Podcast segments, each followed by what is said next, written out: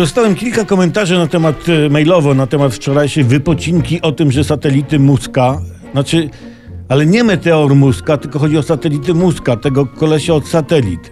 E, Ilona. Znaczy, Ilona, znaczy Elona, tak, on ma tak na imię, to jest facet. Że niby y, przez te satelity UFO nas wykryje. Mówiłem, że UFO już tu jest. Dostałem właśnie kilka maili w tej sprawie, dwa nawet od, od UFO oraz od Bogdana, który zarzucił mi, że nie wspomniałem o kręgach, które UFy robią w zbożu w Polsce.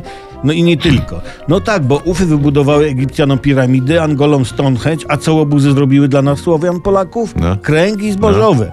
Od jakiegoś czasu, słuchajcie, wśród ufolotków, ufolutków panuje moda właśnie na kręgi. Jeden pan w internecie zapytał, chyba retorycznie, ale mu odpowiem. I on pyta tak, czy to, czy, czy to nie wydaje się śmieszne, że oni przylatywaliby tu po to, by twórczo niszczyć nasze zasiewy? Nie wydaje się śmieszne.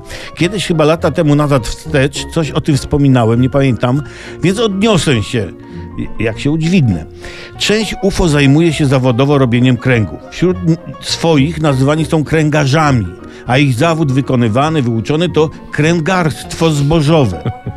Niektórzy się specjalizują w pszenicy, inni w owsie, jeszcze inni w życie.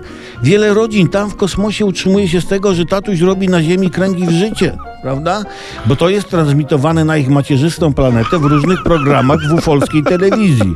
Twój krąg brzmi znajomo, jak oni robią kręgi, czy rolnik szuka tego sukinsyna, który mu zboże wytaśtasiał. Ale powiem wam ogólnie, niech te ufolutki przybywają. Niech ci obcy przybywają. Może pieniądze przywiozą. Zielone.